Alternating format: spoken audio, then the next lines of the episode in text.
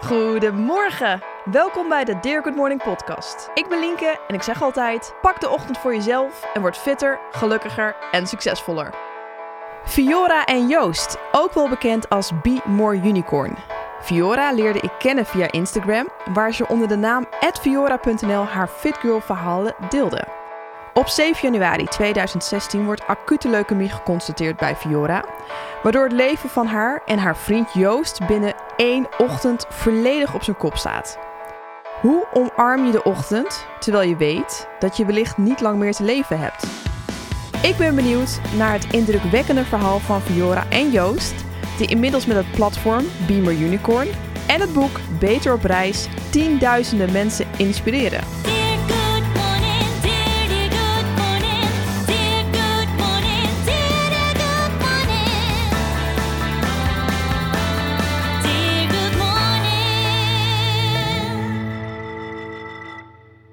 Fiora en Joost, welkom. Dankjewel. Dankjewel. Was een mooie introductie, toch? Nou zeker, dat heb je helemaal goed samengevat zo. Ja, jullie hebben gewoon zoveel, eh, al zoveel meegemaakt en gedaan. En Nou, beter waar moet je dan beginnen? hè? Ja. Je Nou- ziet heel veel mensen die dan stoeien. Ja, wie zijn jullie nou precies? Wat doen jullie nou? Maar die kwam er goed uit. Ah, dankjewel. Ja. Ja. gelijk een complimentje vissen. Dat is, dat is ook wel fout. Ja, ik ken jullie natuurlijk eigenlijk al een beetje. Ehm, we hebben al een keer samen gesport, maar daar gaan we het straks ook over hebben. Hoe vaak hebben we elkaar nu live gezien? Goeie vraag. Nou, toch wel zeker een keer of vijf denk ik inmiddels. Ja, toch een beetje door het Instagram-wereldje dat je elkaar tegenkomt op events. En Joost, jij bent er ook op een gegeven moment ingerold. Ik had geen keus. Je had In geen keus. Keer, nou ja, jullie kennen elkaar wat dat betreft langer. En Ja. ik ben op een gegeven moment aangehaakt eigenlijk. Ja, Ja. nou gezellig. Ja, En eh, hoe laat stond vanmorgen de wekker? acht uur. Voor jou misschien heel laat, maar eh, ja, we moesten om negen uur weg eh, hier naartoe. En eh, ja, toen stond om acht uur de wekker. Ik was uiteraard om vijf over zeven wakker. En eh, ging lekker koffie halen beneden en een theetje voor Joost. Oh, wat lief. Maar Ja, goed hè? ja, Dat heb je goed voor elkaar. Ja. Dus wij zagen dat jij al heel hard had gesport. En toen zei Joost, je weet dat Linke al heeft getraind? Ja, dat weet ik. Dus jullie dachten niet van, nou, we gaan straks een podcast opnemen met Lienke. Laten we eens een keer ook even gaan sporten. Nee. Nou, niet zo vroeg in ieder geval. niet zo vroeg, oké. Daar gaan we, het straks, eh, gaan we het straks uitgebreid over hebben. Ja, ik denk dat dit een eh, speciale aflevering gaat worden. En eh, misschien soms ook wel heftig. Van tevoren heb ik gevraagd of ik jullie eh, alles mag vragen. En dat, eh, en dat mocht. Zeker. Dus dat vind ik, eh, vind ik fijn en eh, ook wel een hele eer. Ja, volgens mij hebben jullie de afgelopen vijf jaar drie verschillende ochtendroutines gehad. Een ochtendroutine voordat jullie deze rollercoaster eh, instapten, tijdens, maar vooral een duidelijke ochtendroutine na deze hele gebeurtenis. Laten we teruggaan naar de begin januari 2016. Gewoon nog even voordat dat je wist wat je had. Hoe zagen jullie ochtenden er toen uit? We werkten toen allebei fulltime. En eh, we sportten toen ook al heel veel. Dus het was vaak of sporten voor het werk of na het werk. Dus als we gingen sporten stonden we echt om zeven uur in de gym. En ging de wekker ook wel echt dus om nou, kwart over zes, half zeven. Maar ik moet zeggen, dat was wel echt in de, in de zomermaanden. In de wintermaanden gingen we dan toch liever na het werk sporten. En Maar- dan bleven jullie lekker in bed liggen. Ja, totdat we aan het werk moesten. Ja, de, ik denk dat de wekker meestal rond... Nou ja, ik werkte dan in Utrecht en jij eigenlijk in Den Dolder, dus ook wel in de buurt. Dus we hoefden niet extreem vroeg op. Ik denk dat half acht ongeveer de wekker ging. Nou, snel douchen, eten en nou ja, ik stapte om kwart over acht op de fiets naar kantoor. En jij denk ik eigenlijk ook dezelfde tijd, Ja, maar dan in de richting trein. Ja. Dus jullie waren eigenlijk eh, gewoon ochtendmensen. Nou ja, in de zomer. Een soort Ja. seizoenochtendmensen. Ja, Zo, zou je het kunnen omschrijven, Ja. nou ja, in de auto hier naartoe hebben we het er ook over gehad van ja, hoe zouden we onszelf omschrijven als ochtendmensen? En toen kwamen we toch wel op de seizoenen dat die een belangrijke rol daarin spelen, ja. Dat was toen al, maar nu ook. Ja, dat was toen al en nu ook zeker. Oké.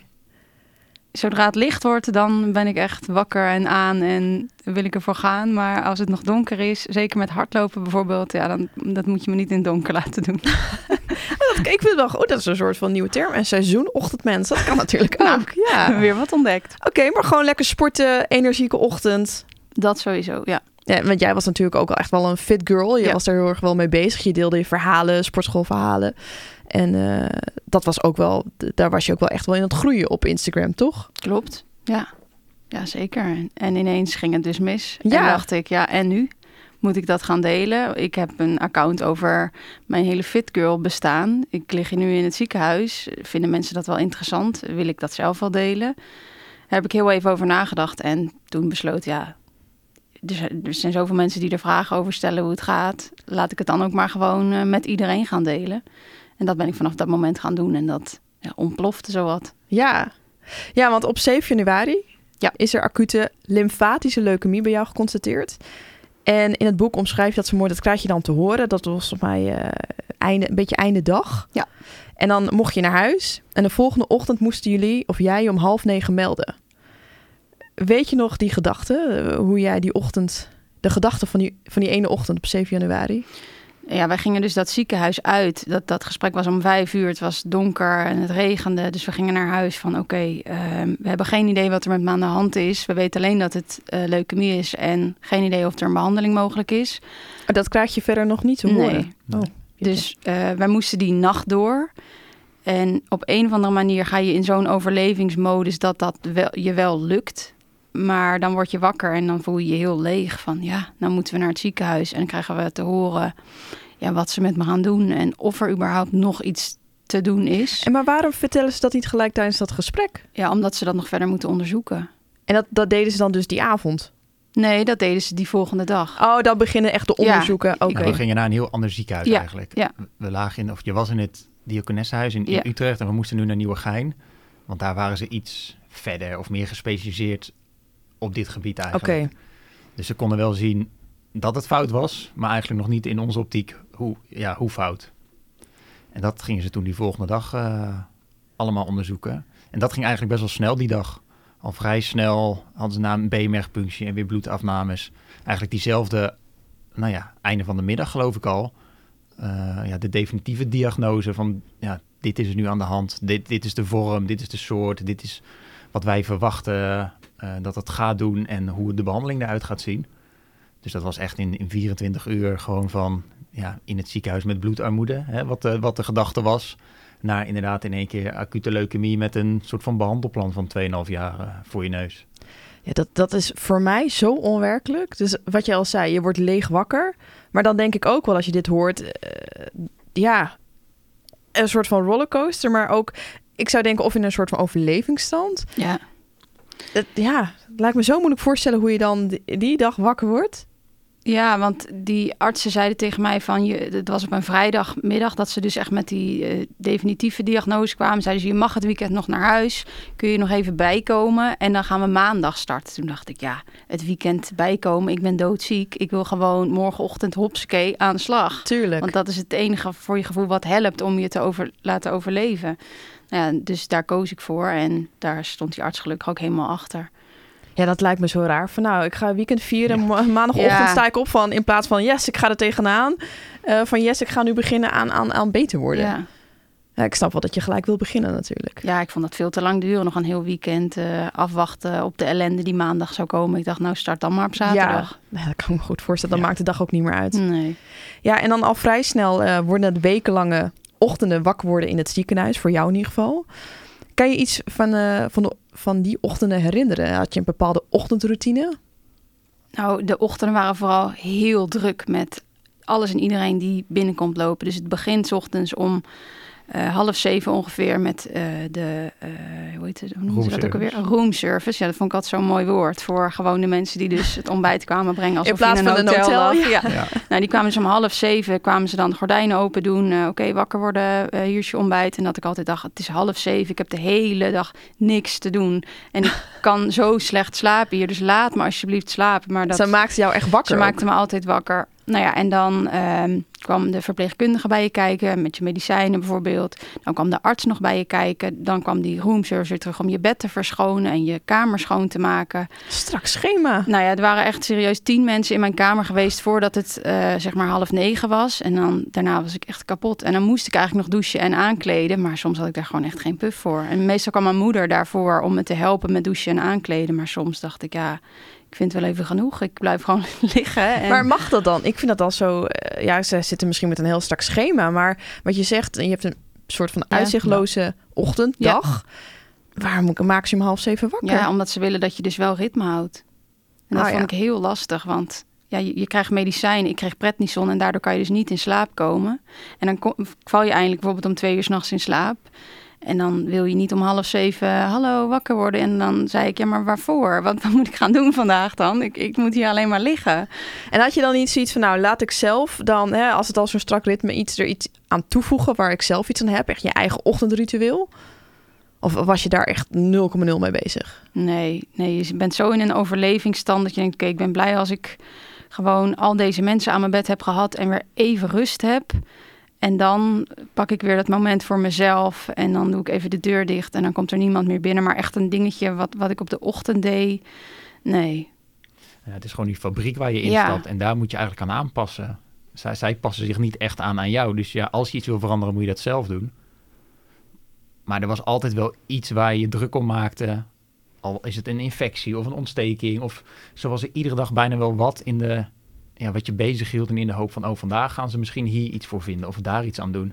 Ja, ja, ja. Dat je bijna niet bezig was met, nou, misschien moet ik eens yoga proberen. Ja, of, precies, of ja. mediteren. Dat is dan Ja. echt wel het laatste waar je aan denkt. Of in ieder geval wat ik zag, daar, ja, daar was zij niet mee bezig. Maar eh, jij dan? Jij werd dan in één keer in je eentje wakker thuis bij jullie, waar je normaal samen wakker wordt? Ja, Wat ging er dan door jou heen?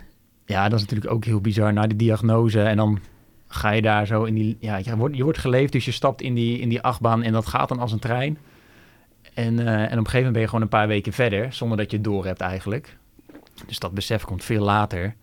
En dan denk je echt van, ja, waar zijn we mee bezig en wat zijn we aan het doen? En dan word je inderdaad alleen wakker in het huis waar, je, ja, waar we net samen woonden en we eigenlijk onze toekomstplannen hadden. Hè. Die hadden we wel een beetje uitgeschreven, in ieder geval met potlood. En die waren nu in één keer weg, eh, weggevaagd. Ja. Niet wetende of je überhaupt opnieuw kan beginnen met, met het schetsen van de toekomst. Eh, Jij hield, want jij, ik begreep ook uit het boek, jij bleef wel gewoon werken, gewoon ritme houden. Ging jij dan alsnog wel zelf ochtends sporten, wat jullie eerst samen deden? Nee, dat heb ik allemaal wel vrij snel, snel losgelaten. Ja, ik ben inderdaad eigenlijk gewoon blijven werken, zoveel mogelijk.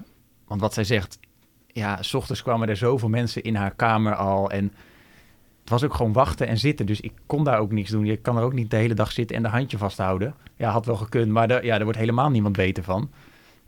Dus ik ben in principe gewoon door blijven werken, eh, ja, vijf dagen in de week. Maar wel waar kon en waar ik dacht van nou, ik ben er nu wel klaar mee. Hè. Die moment had ik ook gewoon genoeg. Dan zit je op kantoor om tien uur en dan hoor je collega's zeuren over de trein die vertraging heeft. Of koud buiten of een verkouden snotneus. Of Ja, dan denk dan- je, is dit nou belangrijk? ja, dan krijg je een, een berichtje hoe, hoe de nacht was geweest, eh, dat dat dramatisch was en, eh, en alle complicaties erbij. Dan denk je, ja, wat, wat zeur je nou over de trein? Dus dat was wel heel lastig om, eh, nou niet zozeer lastig, maar je zat echt in twee werelden eigenlijk. Want aan de ene kant is het heel fijn ja. om te werken en gewoon onder normale mensen te zijn. Zoals een normale jongen van, nou wat was ik toen, 27, 25, 26? Ja, daar wil je hier natuurlijk niet mee bezig zijn. Nee. En dan is, het, dan is het leuk om op kantoor te zijn, om gewoon even over het voetbal te praten en over de, ja, het nieuws eigenlijk. Maar eigenlijk is het grote nieuws in jouw hoofd het ziekenhuis of Fiora in dit geval. Was dat ook gelijk het eerste, hè? als je dan wakker wordt, wat er dan gelijk door je hoofd gaat? van, Oké, het is nu zo laat. Oké, nu weet ik dat er weer een zuster naast haar bed staat. Oké, of dat je gelijk ging kijken of je wel een appje had, hè? Of, eh, of ze er ja, nog was, mag ik dat zeggen? Eh, Had je dan, ging er gelijk een soort van weer een knop aan, gelijk oké, ik zit weer in die rollercoaster. Of probeerde je wel echt even van, oké, dit is nu ga ik me focussen, dat ik weer zo naar mijn werk toe ga. En dan is het weer Fiora. Nee, dat ging wel echt hand in hand. Zeg maar, die, die telefoon.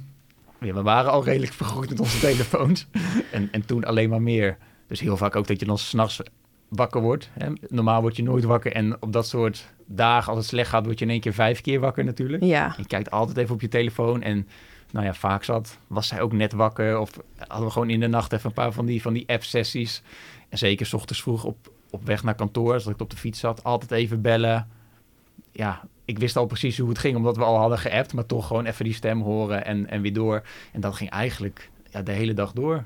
Voor, voor die tijd dat ze in het ziekenhuis lag. Maar ook al lag ze niet in het ziekenhuis, hè, ze is natuurlijk ook heel veel gewoon thuis geweest. Ja, was ik ook eigenlijk altijd, waren we met elkaar in verbinding eh, digitaal. dat is toch wel weer het positieve aan onze telefoonverslaving, toch? Ja, echt. toch Ja. met elkaar in verbinding zijn. Ja, Ja, en, en Fiora, ik ben dan toch benieuwd. Ben je ooit bang geweest dat je er op een ochtend niet meer zou zijn? Mm, nee. Nee, ik denk wel dat ik zo'n sterke overlevingsmodus en overlevingsdrang in me had dat ik dacht, nou, dit, dit ga ik niet laten gebeuren. Ik, eh, ik overleef dit gewoon. Dus dat, ja, dat zit zo in je dat je je gewoon niet kunt voorstellen dat je er niet meer bent. Ja, nou dat kan, dat kan ik me helemaal niet voorstellen. Nee, ja, probeer het maar eens. Ja. Dat, is, dat is echt heel moeilijk op deze leeftijd om je voor te stellen dat je doodgaat aan iets wat in jouw lichaam plaatsvindt. Je denkt steeds, nee joh, dat is helemaal niet zo heel zwaar. Dat is helemaal niet heel heftig. Want ik vroeg ook wel eens aan mijn arts van... is het niet heel heftig dat u dan ook vaak meemaakt dat mensen doodgaan? En dan zei hij ook tegen mij... ja, maar besef je dat je daar zelf ook een van bent... en dat jij ook je dood aan had kunnen gaan? En dan dacht ik altijd, oh ja, zo had ik er eigenlijk nog niet naar gekeken. Nou, maar dat, Dat ik is- denk dat dat wel iets, iets moois is. Gewoon Ja. overlevingsdrang. En ja, angst, dat denk ik, dat zorgt ook weer voor stress. Wat natuurlijk ook weer niet goed is voor je lichaam. Nee, Dus het was gewoon wakker worden en van ik, ik ga beter worden, klaar. ja. Dat is gewoon de enige oplossing. Ja, eigenlijk wel. En het is heel raar dat je zo'n overlevingsdrang ineens voelt, want dat had ik nog nooit zo gevoeld. Maar als er dan dus blijkbaar zoiets ergs met je aan de hand is, denk je, ik ga dit overleven, hoe dan ook. Terwijl natuurlijk, dat heb je helemaal niet zelf in de hand. Het is gewoon echt geluk hebben. Maar het is raar dat dat zo werkt in je hoofd. Dat je denkt van, ik, ik, ik moet, ik kan niet anders. Ja, Nou, dat komt ook wel door, die, door de arts of de artsen eigenlijk in het ziekenhuis. Nou, dit is de diagnose, dit is het behandelplan en zo gaan we het doen en we gaan je beter maken. Dat was wel altijd de insteek. En tuurlijk, dat zullen ze tegen iedereen zeggen. Maar we voelden dat ook wel echt zo. Eh, vanaf dag één dat eigenlijk die, die eerste chemo werd, werd aangesloten, hadden we wel zoiets van, oh ja, we gaan nu, er is nu in één keer licht aan het einde van de tunnel. Want ze voelden zich echt al maanden natuurlijk heel slecht en dat zagen we met z'n allen. Dus voor ons allemaal was het meer een soort van, oh yes, ze, Nu gaan, we- ze gaan iets doen of zo. Of ja. ze wordt beter. Ja, dat, is dat, ja. dat lijkt me als buitenstaander natuurlijk. eh, dat- ja, als je het boek ook leest, Beter op reis, dan, dan, lees je ook al jouw gedachten en hoe dat voor jou eh, was. En dat vind ik heel erg mooi, want je hoort natuurlijk heel vaak verhalen van degene die ziek is, maar nu ook van degene die het meest dichtbij jou staat. Had jij dat nooit zo elke ochtend? Oké, hè, eh, ik moet er nu extra uithalen, want het kan misschien de laatste zijn. Of had je net zoals Fiore ook van, ja, dit, dit gaan we gewoon doorkomen, klaar. Ja, wel meer dat laatste. En ik was helemaal niet bezig met, met sport of voeding of, of mijn hoofd of eh, nou ja, persoonlijke ontwikkeling eigenlijk. Alles stond, alles stond gewoon stil en het was echt in een soort van zorgmodus, overlevingsmodus. Wat het ook best wel makkelijk maakt hoor, het leven. Als je alleen maar Eén taak. één taak Ja. en ja, ja, de rest doet er niet toe. Dat is natuurlijk best wel bizar, want als je in één keer daarin staat, dan kijken mensen ook zo naar je. En dan kan je in één keer feestjes afzeggen omdat je een zieke partner thuis hebt. Terwijl ik misschien ook anders ook geen zin had gehad. Ja, je had ook nog een soort van reden wat je kon gebruiken. Ja, Ja, ja. dat is ook wel, dat is dan toch weer weer een voordeel. Ja, weet je, dus zo. Ja. Het maakt het, en dat geeft een hele rare situatie natuurlijk, ook voor mensen om je heen. Maar in één keer ben jij ja, de partner van iemand met kanker. Ja. En gaan mensen zo naar je kijken. En Mensen gaan toch anders naar je kijken dan, hè? ja, Of gewoon misschien ook dat ze eh, dingen niet durven te vragen... of dat ze niet zo goed weten hoe ze je moeten benaderen. Alsof jij ook helemaal als persoon verandert. Ja. Nou ja, sommige mensen die praten er dan helemaal niet over tegen mij. hè. Die doen net alsof het niet bestaat. En anderen willen juist heel erg er met je over in de, in de diepte treden. Want mijn buurvrouw of mijn nichtje of mijn Oh, oma... ja, ja, ja. Van ik, ik weet hoe je Ja, je voelt. precies. Ik, heb, ik ken ook iemand. Ja. Ja. en dat is natuurlijk hartstikke lief bedoeld. En die mensen hebben ook een verhaal. En, maar die gaan het dan net tegen jou aanhouden als jij er net geen zin in hebt natuurlijk. Ja. En dan ben ik wel zo'n persoon die dan wel een soort van het gesprek aangaat. En ik ben dan ook niet hard genoeg eh, naar die mensen toe. Dat zit natuurlijk ook niet echt in Ja, dat, mij. dat, maar dat, dat lijkt me dan toch ook wel weer lastig. Het is toch wel een gevoelig onderwerp hoe je daarmee, eh, hoe je daarmee ja, omgaat. dat blijft. Ik vind het zelf nog steeds lastig als er iemand ziek is, hoe je daarmee omgaat. Ja. Het is niet zo als je dat zelf hebt meegemaakt, dat je dan de perfecte modus hebt hoe je daarmee omgaat. Dat is natuurlijk in elke situatie weer anders. En ja. Ja. ook voor iedereen die dat meemaakt, is het iedere dag weer anders. Heb je er zin in of niet? Ja, dat, er is ook niet één regel voor van zo moet je daarmee omgaan. Of... Het is denk ik Nee. een beetje op gevoel, eh, Ja, gevoel afgaan. Ja. En, en jij besloot dus, ik ga dit delen op social media. En ik ga erover schrijven. En in plaats van mijn fit girl verhalen ga ik nu... Nou ja, vertellen dat ik nu ziek ben geworden en hoe dat gaat. Ja, en keek jij toen er tijd naar andere mensen op social media... die elke ochtend weer energiek uit bed sprongen, zoals ik... en wel optimaal leefden? Keek jij daarna? Ja, ik vond dat heel raar dat de maatschappij gewoon doorging. Terwijl ja, mijn leven stond stil. Mijn wereld was helemaal ja, zo klein geworden. En je kijkt er dan inderdaad naar van... wow, voor die mensen is het allemaal gewoon nog normaal. En die kunnen gewoon sporten. En Was je jaloers? nou, jaloers is denk ik niet het juiste woord. Maar wel dat je denkt van... oké, ja, zo kan je leven ook weer zijn. En ja, ik vond het ergens ook wel juist fijn om gewoon te zien dat er... ja, dat, jij lekker stond te springen. En, en ja, Want jij volgde mij toen natuurlijk ook Ja, al. Toch? ja. Natuurlijk is het niet, maar eh, wij volgden nou wel. Dat ik zat zeg ik ook wel heel arrogant. Ik bedoel meer, wij kenden elkaar toen. Ja. Dus ik volgde jou en, en jij volgde mij. Dus dat vroeg me dan toch af. Keek je erna of ging je dat bewust even weghalen? Van, nou, nee, ik vond dat gewoon wel, wel fijn om te zien dat, dat anderen, ja, dat, dat niet heel de wereld stilstond, Ja, ja, maar ja. ja, dat dat gewoon allemaal doorging, zeker. Ja, oh, vind ik wel mooi.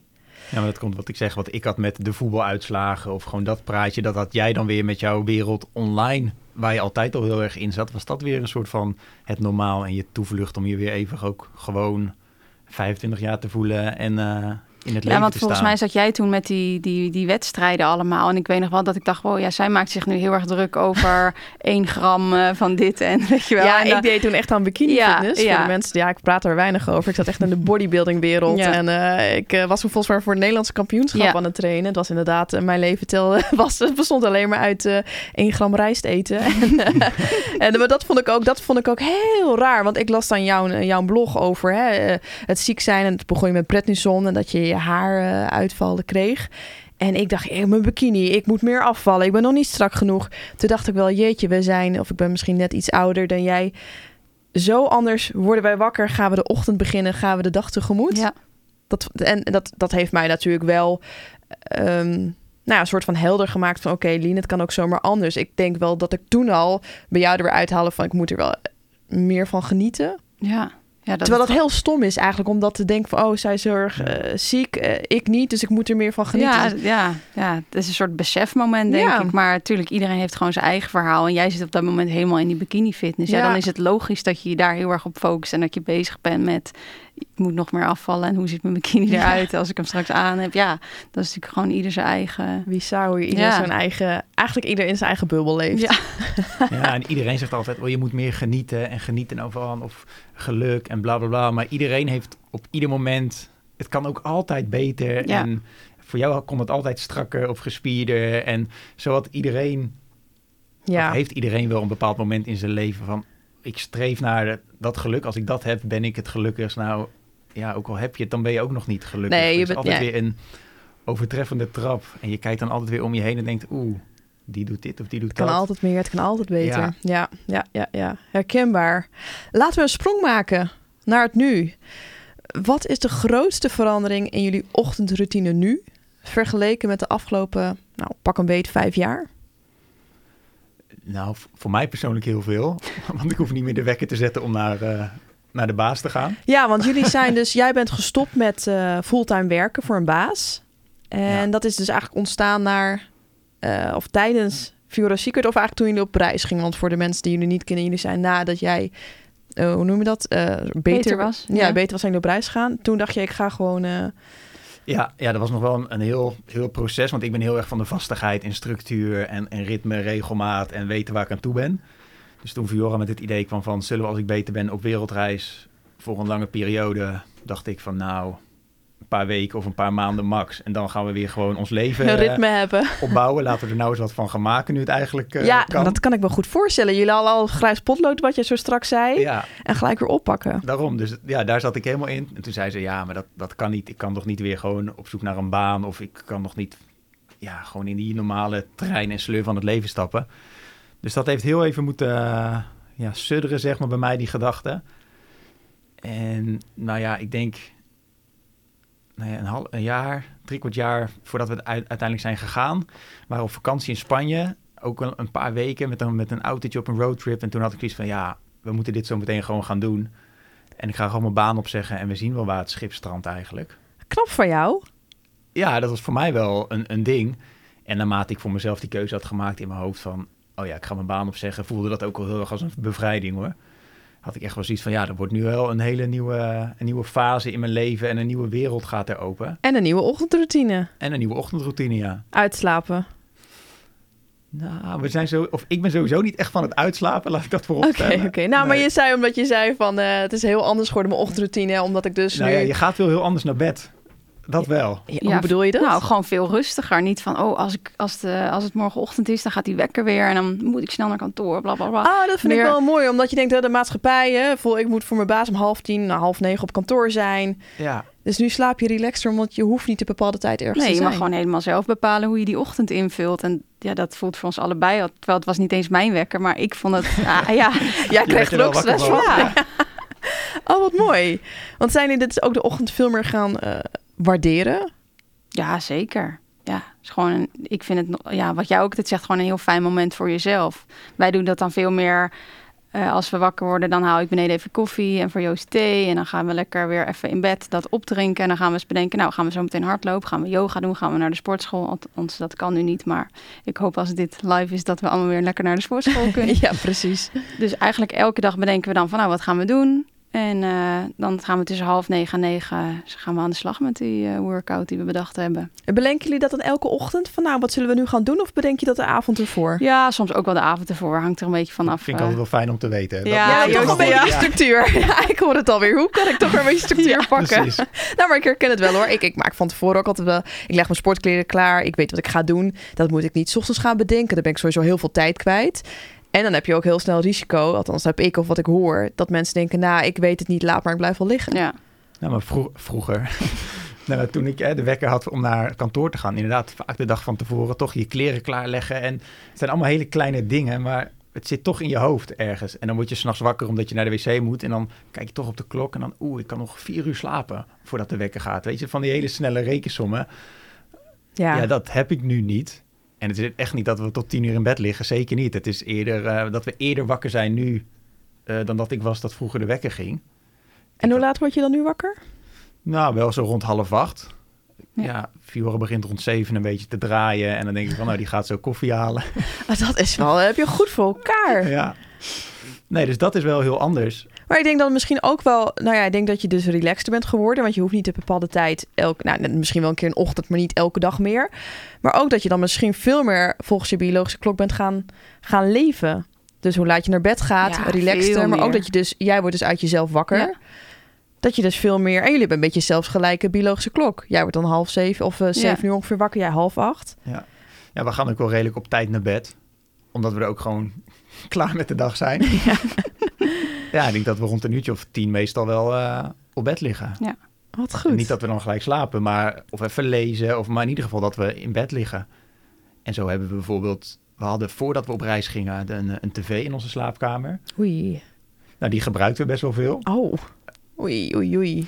Ja, maar dat- jongens. ja, maar daar moet ik, ja, maar daar moet ik wel even bij zeggen. Toen ik ziek was, lag ik dus vaak gewoon in Ja, onze slaapkamer. precies, en vond ik dat dan een heel fijn ding. Maar toen we op reis waren, zeiden we wel tegen elkaar... ja, als we terugkomen, die tv gaat gewoon de slaapkamer uit. Want het slaat helemaal nergens op dat je dan nog tot elf of half twaalf ligt te kijken naar iets sufs. Het is zo makkelijk, maar ja, het is, zo slecht voor je maar. Ja. dus dat is, die is eruit. En nu lezen we altijd eventjes een kwartiertje en dan slapen we. En dat is echt, ja, vind ik echt de allerfijnste manier om in slaap te vallen. Wat goed, wat mooi. Ja, dus dat maakt de ochtend denk ik ook... Daardoor slapen we ook gewoon echt goed. Ja. Dat is sinds- zo belangrijk, Sinds ja. dat we terug zijn. Op de wereldreis hebben we ook goed geslapen. Ook op heel veel plekken heel slecht. Maar dat had natuurlijk allemaal externe factoren. Maar zeg maar, nu we hier weer terug zijn in Nederland, in Utrecht, slapen we gewoon goed en worden we wel echt energiek wakker, kan ik wel zeggen.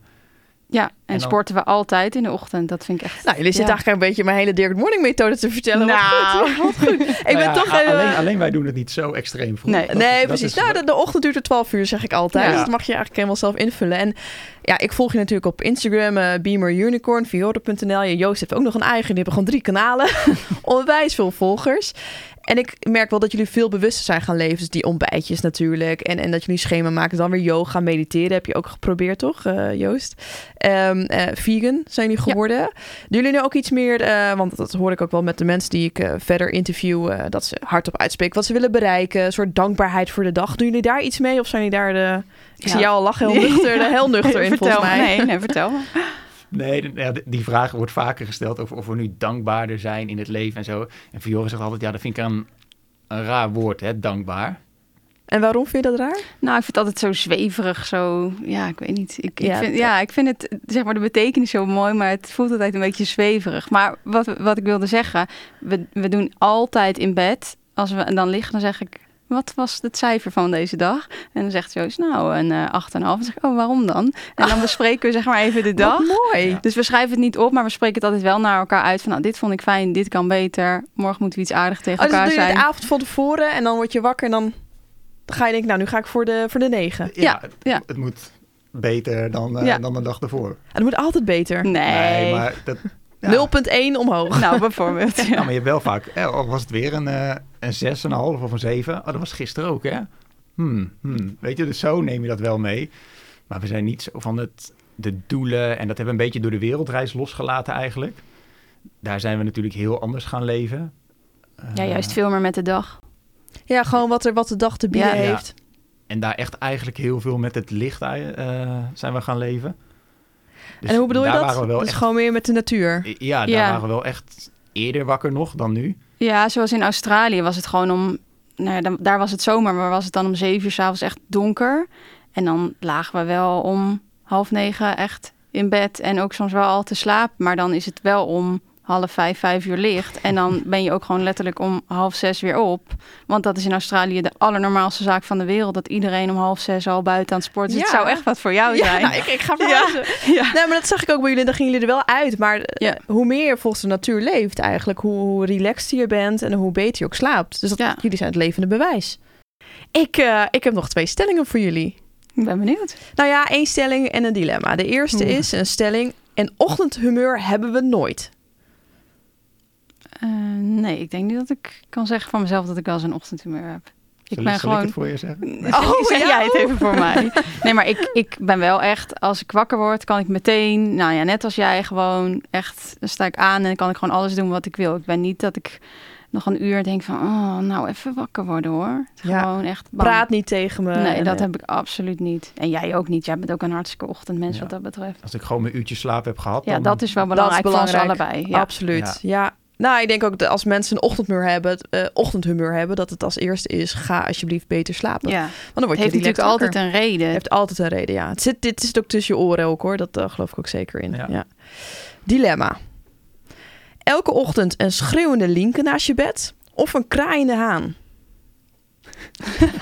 Nee, dan mag jij wel naar Ja? naast ons bed komen staan. Ja. Zeker, Mag ja. ik jullie wakker Ja. maken? Zeker. ja. Nou, en als ik dat zo hoor, dan, dan, wil ik, dan wil ik dat ook wel. Dan gaan we samen lekker sporten.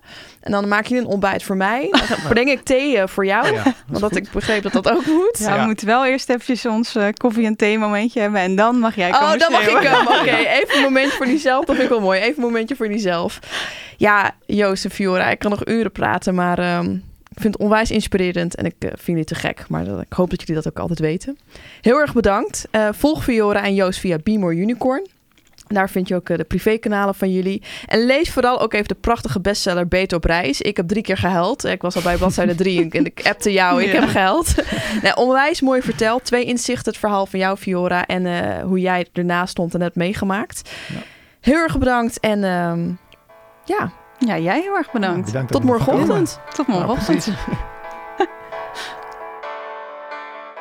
Volgende week heb ik Milou Terpijn in de podcast. Mijn beste vriendin, een yoga-gekkie, moeder van Kaya en hoofdredacteur van Women's Health. Milou zal alles vertellen over een relaxte ochtendroutine en hoe je die voor jezelf kan creëren. Ook met kinderen. Volg mij via Dear Good Morning en bij deze alvast, goedemorgen, go go go!